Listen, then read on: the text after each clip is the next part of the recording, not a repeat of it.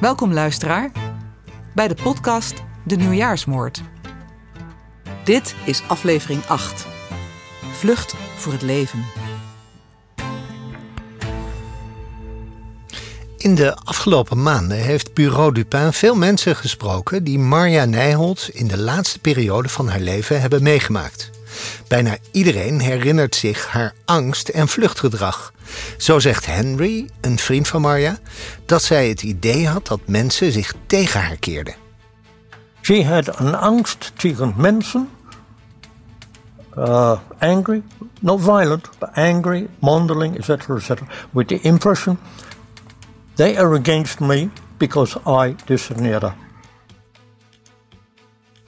Gemma, Marja's stiefmoeder, vertelt dat Marja al langer last had van achtervolgingswanen en dat daar later perioden van grote angst bij kwamen.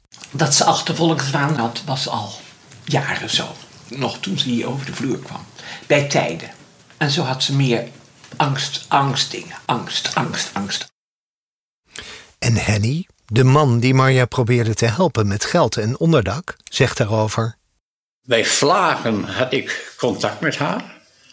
Want uh, ja, zij vluchtte voor het leven. Net zo goed als ze vluchtte voor mij. Als, ze, als ze me zag, ging ze ook vluchten. Ze vluchtte voor het leven, zegt Henny. Dat is een mooie omschrijving. Maar als je vlucht voor het leven, waar kun je dan nog heen?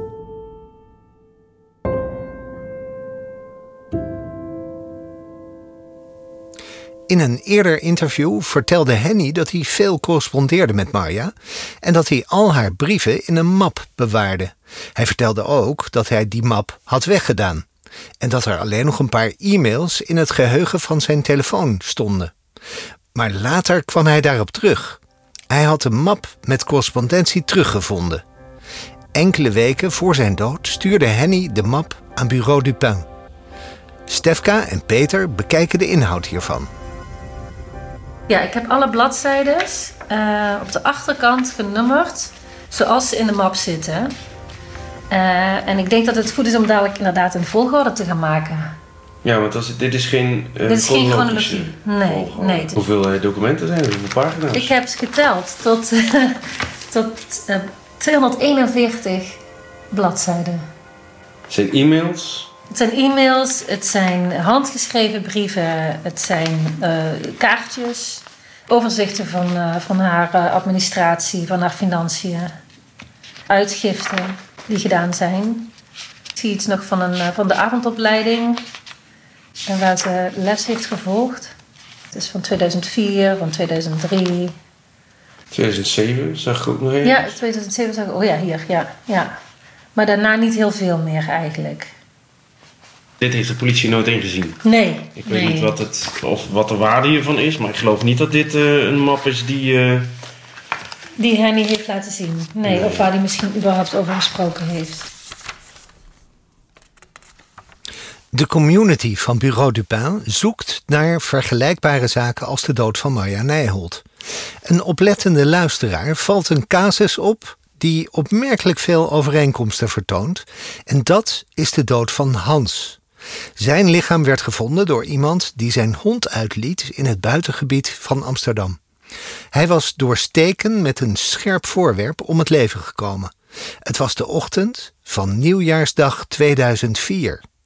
Bureau Dupin legt contact met zijn zoon Andreas. Want daar lag je, je koude lichaam, het bloed en de glijsporen in de modder. Daar laag je gekreukte groene overhemd, de bruine leren jas, de rode wollen trui, de grijsblauwe sjaal, het stukgelopen paar schoenen, het leren voedraal en het uitschuifbare hobbymes. Je lichaam leek naar beneden gerold. De aarde om je heen was omgewoeld en vol bloedsporen. Het groene overhemd en de rode trui waren uitgedaan. Je droeg alleen een besmeurde spijkerbroek en sokken die onder de aarde zaten. Met ontbloot bovenlijf lag je in de modder, gezicht naar beneden, keel doorgesneden, armen onder je lichaam, vuisten gebald. Je schoenen waren uit, ze stonden, het was opvallend, naast je hoofd en lichaam. Andreas is twaalf als hij te horen krijgt dat zijn vader overleden is. Hij heeft hem dan nog maar één keer in levende lijven gezien. Jaren later, als Andreas zelf een kind verwacht, vraagt hij zich af: hoe word je vader als je er zelf nooit een hebt gehad? Hij gaat op zoek naar Hans. Nou, ik heb vier jaar onderzoek gedaan naar mijn vader en ik kan eigenlijk nog steeds niet zeggen wie hij was. Hij was een man met heel veel gezichten. Hij werd ook uh, niet gediagnosticeerd, maar veel mensen dachten dat hij schizofrenie had. Hij was iemand die, die uh, een experimenteel kunstenaar was, die met allerlei materialen werkte. Hij was iemand die zijn huis verloor en over straat zwierf met een paar tassen in de hand. Hij was iemand die in psychose belandde en daar eigenlijk nooit meer echt uit is gekomen. Terwijl hij eigenlijk niet geholpen wilde worden, dus hij wilde ook niet gediagnosticeerd worden. Uh, maar ja, in de war en zeker aan het einde. En zeker op die avond dat iedereen feest aan het vieren was, ja, dan, dan moet je ook wel heel erg alleen zijn waarschijnlijk. Dus, uh... De overeenkomsten tussen Hans en Marja zijn bijna griezelig. Ook Marja wilde niet worden gediagnosticeerd. En veel mensen in haar omgeving dachten dat ze last had van schizofrenie. Ook Marja verloor haar huis en leek in de war op een avond dat de meeste mensen aan het feestvieren waren. Maar er bestaat niet alleen een overeenkomst tussen hun levens, ook hun dood vertoont opvallende gelijkenissen. Ja, mijn vader is op uh, nieuwjaarsochtend gevonden door een hondenuitlater. Uh, het was ijskoud. Um, hij werd gevonden met zijn hoofd omlaag, dus zijn hoofd in de modder, eigenlijk net als Marja op zijn buik. Uh, zijn schoenen stonden naast zijn hoofd. Is best wel raadselachtig, dus die heeft hij misschien zelf uitgedaan. Hij had zijn sokken uit. Hij had in ieder geval 42 messteken over zijn hele lichaam. Maar vooral aan de voorkant, dus polsen, uh, nek, gezicht, borst. Maar toch ook op de rug zaten rassen. En het mes, dat is naast, uh, naast zijn lichaam gevonden. Maar dat moet al met al best een gruwelijk gezicht zijn geweest. Dus iemand die, die heel erg verwond is, heel erg veel gebloed heeft en onderkoeld is geraakt waarschijnlijk en daaraan is overleden gedurende die, uh, die nacht van oud nieuw.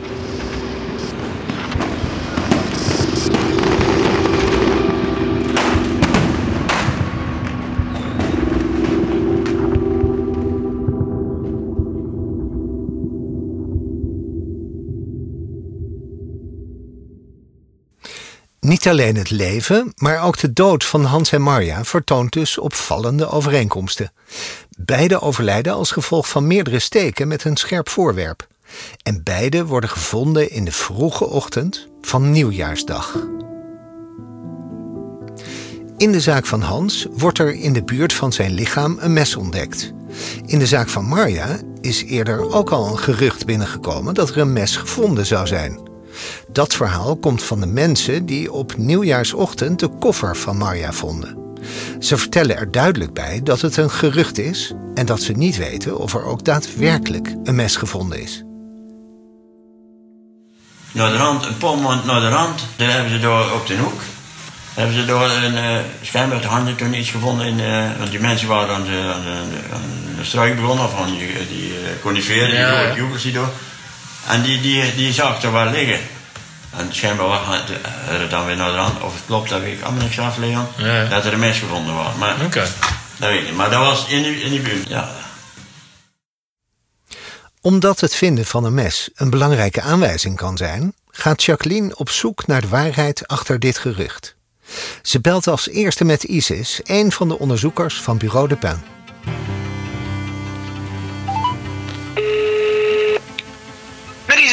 Hoi, met Jacqueline. Goedemorgen. Er zou een mes gevonden zijn, hè? Dat klopt. Waar komt dat verhaal vandaan?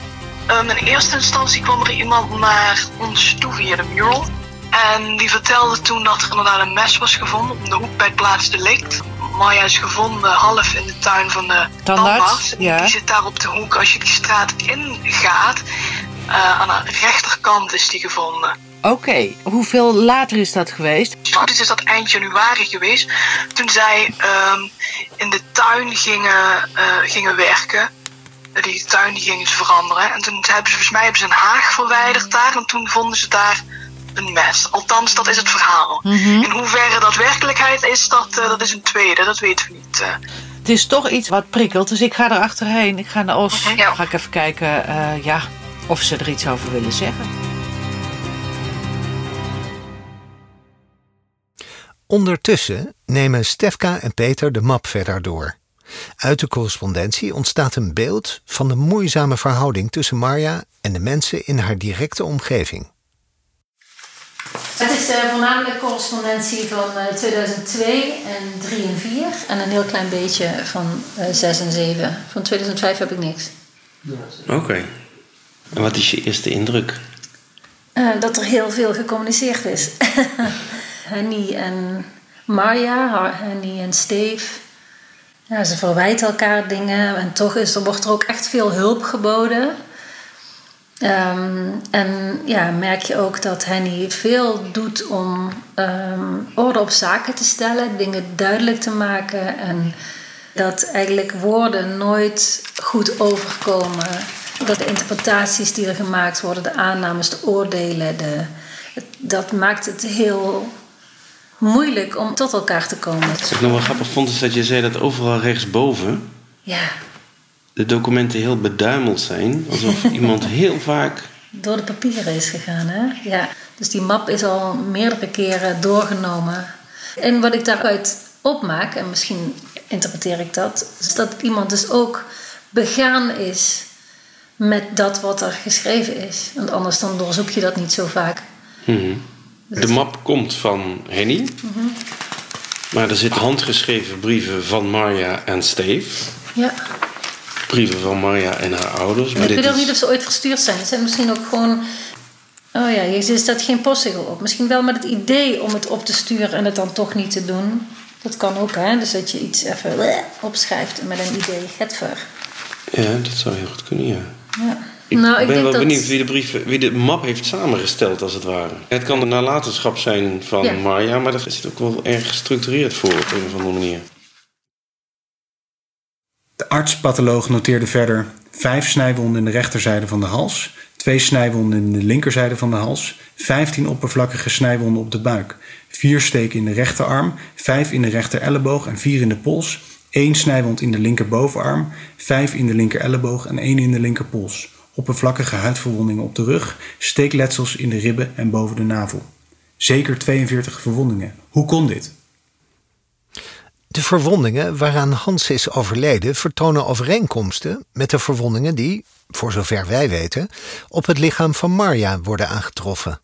Maar daarover vertelt Andreas iets opmerkelijks. De politie was eigenlijk al na vijf dagen tot de conclusie dat de, dat de kans was dat het moord was, dat die eigenlijk heel klein was. Ik heb na de hand heb ik ook contact gehad met Carina van Leeuwen, cold case specialist.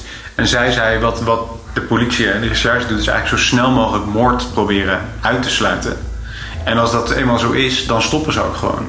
Dus wat ze bij mijn vader hebben gedaan, is eigenlijk best wel normaal. Zo gaat het bij heel veel zaken. En dat snap ik ook. Er zijn heel veel zaken die ehm, afgehandeld moeten worden. Maar goed, als nabestaande denk je natuurlijk altijd dat er niet genoeg onderzoek is gedaan. Omdat je het gevoel hebt van, ja, er is iemand dood. Hoe kunnen we die, die persoon nog recht doen?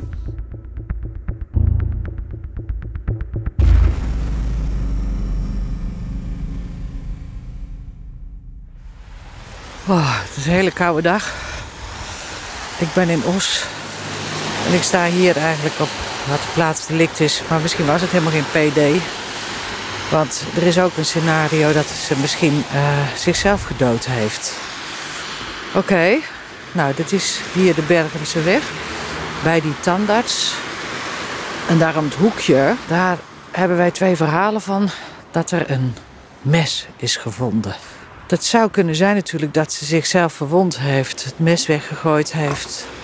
En toen, ja, deze om het hoek, het is echt, echt nog geen 50 meter naar het adres waar dat eh, mes gevonden zou zijn. We hebben daar twee bronnen. Maar het zou gewoon ook een verhaal kunnen zijn. Hier is het huis. Gordijnen zijn dicht, boven zijn de rolluiken ook dicht. Ik, heb ik ga toch even aanbellen. Het ziet eruit alsof er helemaal niemand woont. Geen naambordje. De bel doet het. Het ziet er erg onbewoonbaar uit. Als ik zeker weet dat ze niet open doen, kan ik proberen even naar binnen te gluren of er überhaupt meubels staan. In ieder geval een briefje achterlaten. Ik zie geen beweging.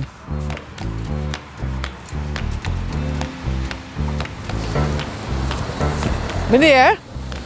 Hallo. Weet jij wie er aan de overkant woont, in nummer 12? Dat ziet er heel dicht uit, hè? Ja, ik heb eigenlijk nog nooit iemand gezien. Pap, Heb je daar nog nooit iemand gezien? weet jij iemand die op 12 zit? Ik moet daar eigenlijk eh, iemand spreken, maar er- het ziet er heel eh, leeg uit. Het is al jaren zo, mevrouw. Al jaren? Ja, al jaren. Want de boven is de uh, rolgordijn, eh, rolluik. Dat is altijd dicht. Is in de 17 jaar tijd dat ik hier woon, is nooit open geweest volgens mij. U zegt 17 jaar lang is daar al... eh, Ik hou het niet in de gaten, maar... eh, Die is zijn nooit open Is geweest? nooit open.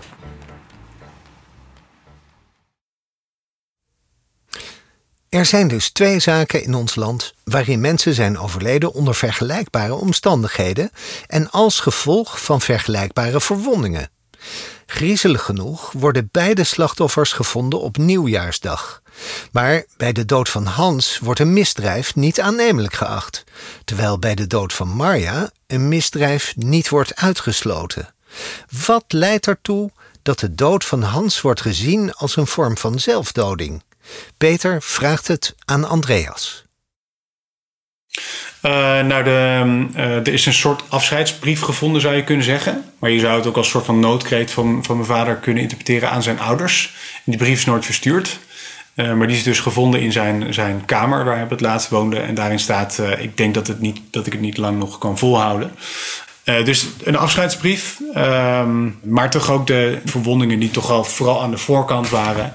Ehm, en de meeste waren oppervlakkig. Maar goed, ja, ik denk dat hij toch ook wel best wel tekeer is gegaan. Dus dat er toch ook iets psychisch moet zijn gebeurd waardoor hij dat kan doen. En dat mes dus naast zijn lichaam, de verpakking daarvan lag op zijn kamer. Dus dat was sowieso zijn mes.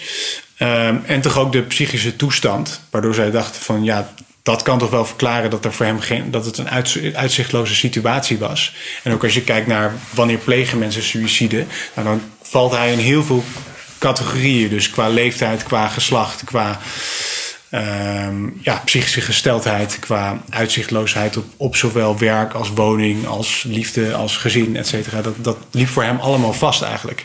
Dus je zou kunnen zeggen dat hij echt in, in een uitzichtloze situatie zat. En wat duidt er op het scenario misdrijf? Eh, ja, dat zijn een beetje dezelfde elementen, maar dus de hoeveelheid verwondingen. Er is eh, door een getuige een groepje mensen gezien op de plaats delict. Ehm, en die groep mensen is daar eh, om 11 uur gezien door die getuigen. Dus het zou kunnen dat mijn vader daar toen ook was en dat die mensen of hem iets hebben aangedaan of hem hebben gezien of niet. Dus het was ja, een verdachte plek, zo, zo moet ik het misschien zeggen. Ja. Een van de zaken die suïcide van een misdrijf onderscheidt bij de dood van Hans is dus een afscheidsbrief of een noodkreet, zoals Andreas dat noemt. Ook Marja schrijft dit soort teksten. In de map met correspondentie vindt Stefka een brief met een onverhulde noodkreet. Hier heb ik eh, nog zo'n brief. Het is eh, handgeschreven. Papa, ik kan het niet meer verdragen zonder jullie. Ik kan het niet verdragen dat ik niet bij jullie ben. Ik ga er kapot aan. Ik word suicidaal zonder jullie. Haal me toch op. Ik kan het niet meer verdragen. En dan staat er nog in een andere kleur bijgeschreven: Er zal niks meer zijn, alleen eenzaamheid. De brief is niet gedateerd, maar omdat die zich in de map met correspondentie bevindt, is het aannemelijk dat het geschreven is voor 2007. Maar ook in de laatste periode van haar leven schreef Marja dit soort teksten. In de vorige aflevering hoorden we hoe Kay een brief vond die je als een afscheid kunt lezen. I will go where nobody knows me. God knows they only stole 40 years. Leave me alone. Promise, promise, promise. Empty promise. En dat zijn dan de laatste woorden. En het is inderdaad heel warrig eh, opgeschreven. Ook hier zijn de overeenkomsten opmerkelijk. Hans schrijft aan zijn ouders dat hij het niet lang meer vol kan houden. Marja schrijft aan haar vader dat ze het niet meer kan verdragen. Beiden bevinden zich rond de tijd van hun dood in een psychisch zeer instabiele situatie. En dan zijn er nog de verwondingen. Volgens Andreas wijst het aantal messteken op het lichaam van zijn vader op het scenario misdrijf. Toch werd zijn dood gezien als een vorm van zelfdoding. Is het mogelijk dat een mens zichzelf met een mes zo verwondt dat de dood erop volgt? Andreas onderzocht dit en schreef erover in het boek En toen vonden ze mijn vader. Een van de hoofdvragen van, van mijn boek, uh, van hoe kan een mens dat zichzelf aandoen? Hoe kan, je, hoe kan je maar door blijven gaan? En een van mijn vragen was, heeft iemand anders misschien hem eerst gestoken? Is hij daarna zelf verder, verder gegaan of heeft hij dat allemaal zelf gedaan? En waar ik uiteindelijk op uitkwam, is dat hij een psychose heeft gehad of in een waan is geweest, waardoor hij een minder pijnbesef had, waardoor hij zo vaak kon, kon steken dat, uh, dat hij er uiteindelijk uh, aan is overleden aan, aan onderkoeling. Automutilatie, was dat bekend bij hem? Ja, er zijn uh, ook oudere krassen op zijn lichaam gevonden. En dat was ook wel bekend bij, bij een paar familieleden, dat, dat hij dat deed. En volgens sommigen was dat ook oefenen, zeg maar, voor zijn uiteindelijke dood ik interpreteer dat meer als iemand die uh, zeg maar in een uitzichtloze situatie verkeert en probeert ja, iets open te breken, zeg maar, om weer iets te voelen. Uh, maar zeker, hij automutileerde aan het einde. Ja. Bij Marja is, voor zover we weten, geen sprake van zelfbeschadiging.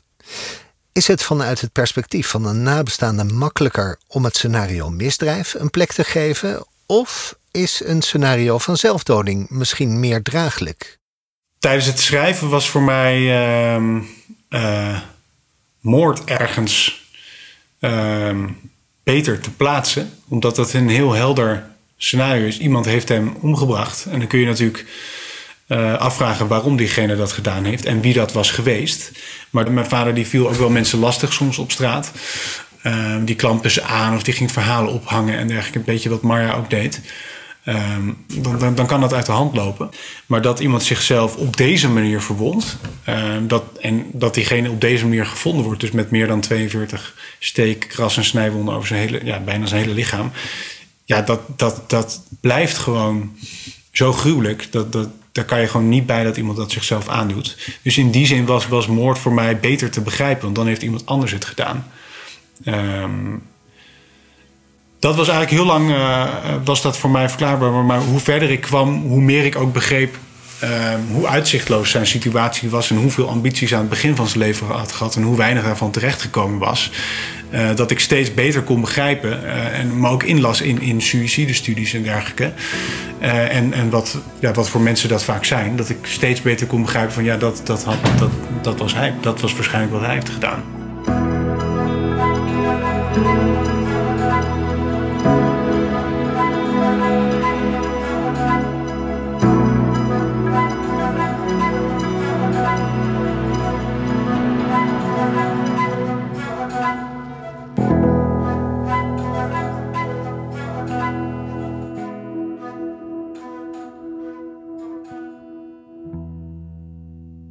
Net als Jacqueline uit Os weg wil gaan, komt er een man op een brommertje langs. Ik dacht, uh, net zeiden ze van, uh, dat, dat er al 17 jaar niemand woont. Maar u woont hier. Kluizenaar, hè? Hè? Kluizenaar. Oh, u bent een kluis. Mag ik u het vragen?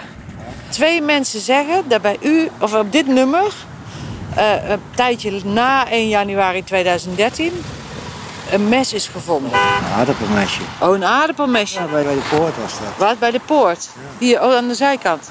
Oh, daar is hier, oh, daar is een padje naar achter waar je uh, schuurtjes hebt of zo. Ja, de poort. Dat is, Ja. allemaal. Kunt u aanwijzen waar dat mesje dan precies lag? Want er is een padje hiernaast. We lopen nu weer even de wind in. Dus... Maar u noemt zichzelf een kluizenaar. Ja. Waarom? Ik zit altijd alleen in mijn hutje. Ja, vindt u dat fijn? Ja, zo geworden, hè. Ja, zo geworden. Niet iedereen kiest ervoor. Ik Nee. liever ook een mooi leven gehad. Maar ja, soms wordt het je gegund en soms niet. Maar u hebt nooit boven, want daar zei ze aan de overkant. Nou, ik heb nog 17 jaar woon ik hier. Ik heb nog nooit eh, de dingen naar beneden gezien. Klopt. Maar dat doet u niet. leef- Boven is het helemaal donker. Ik leef in duister, hè. Leeft u in duister? Wat zei je? Daar woont niemand.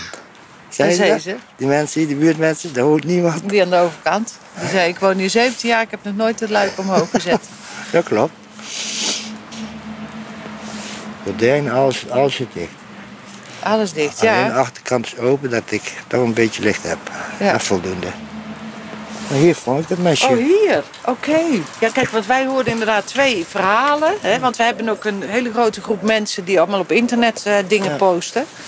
En die zei dat het was dat een struik weggehaald was uit de tuin. Maar hier lag het gewoon. Ja, lag hier. En hoe, hoeveel weken later was dat, denkt u?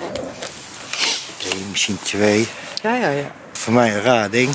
Normaal ligt daar geen mesje. Nee, en waar was het met zo'n houten hefje of een plastic, Een plastic, ding? een gele. Een gele plastic mesje. Ja. Oké. Maar kijk, daar kan je echt iemand mee doodmaken, denk je? Met een potlood. Dat kan ook dodelijk zijn, hè? Alles kan. Ja, dan kun je met een aardbeschilmesje jezelf doden. Ja, zou dat kunnen? En waarom niet? Elk zwak plekje van kun je zo vinden. En toen heb ik het gepakt. Of ja, niet gepakt, bij politie gebeld. Mijn plastic zakje ik dan zo. En die nam het in beslag. Ja, en het was een aardappelschilmesje, zegt u. Maar, Ja. maar zat er bloed aan of zo? Of kon je Nee, het dat zien? niet. Maar ja, Je En weet, je weet, zo'n zo, moordenaar die wil niet gevonden worden. Dus die maakt alles zo schoon mogelijk. Maar ja, of er iets mee gedaan hebben. Dat weet u niet. Want je kan, je kan natuurlijk denken, van, van, ah, ze kunnen zo kijken van... is dat mesje wat, waarmee die mevrouw... eh, had gekund. ja. Dus, Want het is hier vlak om de hoek, hè? Vlak om de. Maar hoe, Dus, ja, ik loop hier vaker rond. En dan zie je opeens helemaal bedekt zo. Met, de- met de schermen van de politie. Mhm. Ja, en toen zag ik, denk ik, shit. En zij zat daar achter. Ja, haar laatste adem uitblazen. Ja, dat vond ik heel triest. Dat raakte me heel erg. Ja. Ook al ken je die mevrouw Maal Ja, ik ben een gevoelsmens. Ja. En geef als, als er iets raars gebeurt, dan raakt mij dat. En ik denk van, ik zit hier alleen, ik had haar misschien kunnen helpen. ja, ze was op zoek naar Ja. hulp. Ja. Het, eh, Ja, ik woon niet alleen, dat je slaapt is onderdak. Ja. Ik had dat niet aan haar laatste adem uitblazen, dat doen we niet. Ja. Ja, dat vind ik wel erg zoiets, dus dat raakt mij. En als ik kon helpen, dan denk ik achter elkaar. Dat hoort niet. u denkt echt nog wel aan haar. Zeker. Zeker, dat is zoiets vergeet ik niet. Ik had het al lang gehoopt dat het opgelost is. De politie laat ook maar weinig los, dus... Ja. Heel veel dank. En ik ben heel blij om te weten dat er nog iemand denkt. Nou, vergeet ik nooit, Maya. Zegt u? Vergeet ik haar nooit. Er is dus wel degelijk een mes gevonden. En op nog geen 50 meter van de plek waar Marja dood werd gevonden. En volgens degene die het vond, is het mes overgedragen aan de politie. Maar wat er verder mee is gebeurd, is onduidelijk.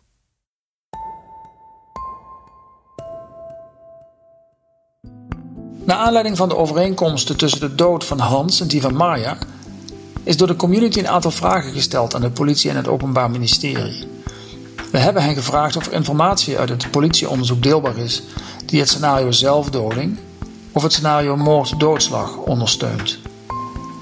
En we hebben hen gevraagd of ze ons meer kunnen vertellen over het mes dat gevonden zou zijn. Is dat mes onderzocht? En is het in relatie te brengen met de dood van Marja Nijholt? En als dat het geval is, ondersteunt het dan in hun optiek het scenario suïcide of het scenario moord-doodslag?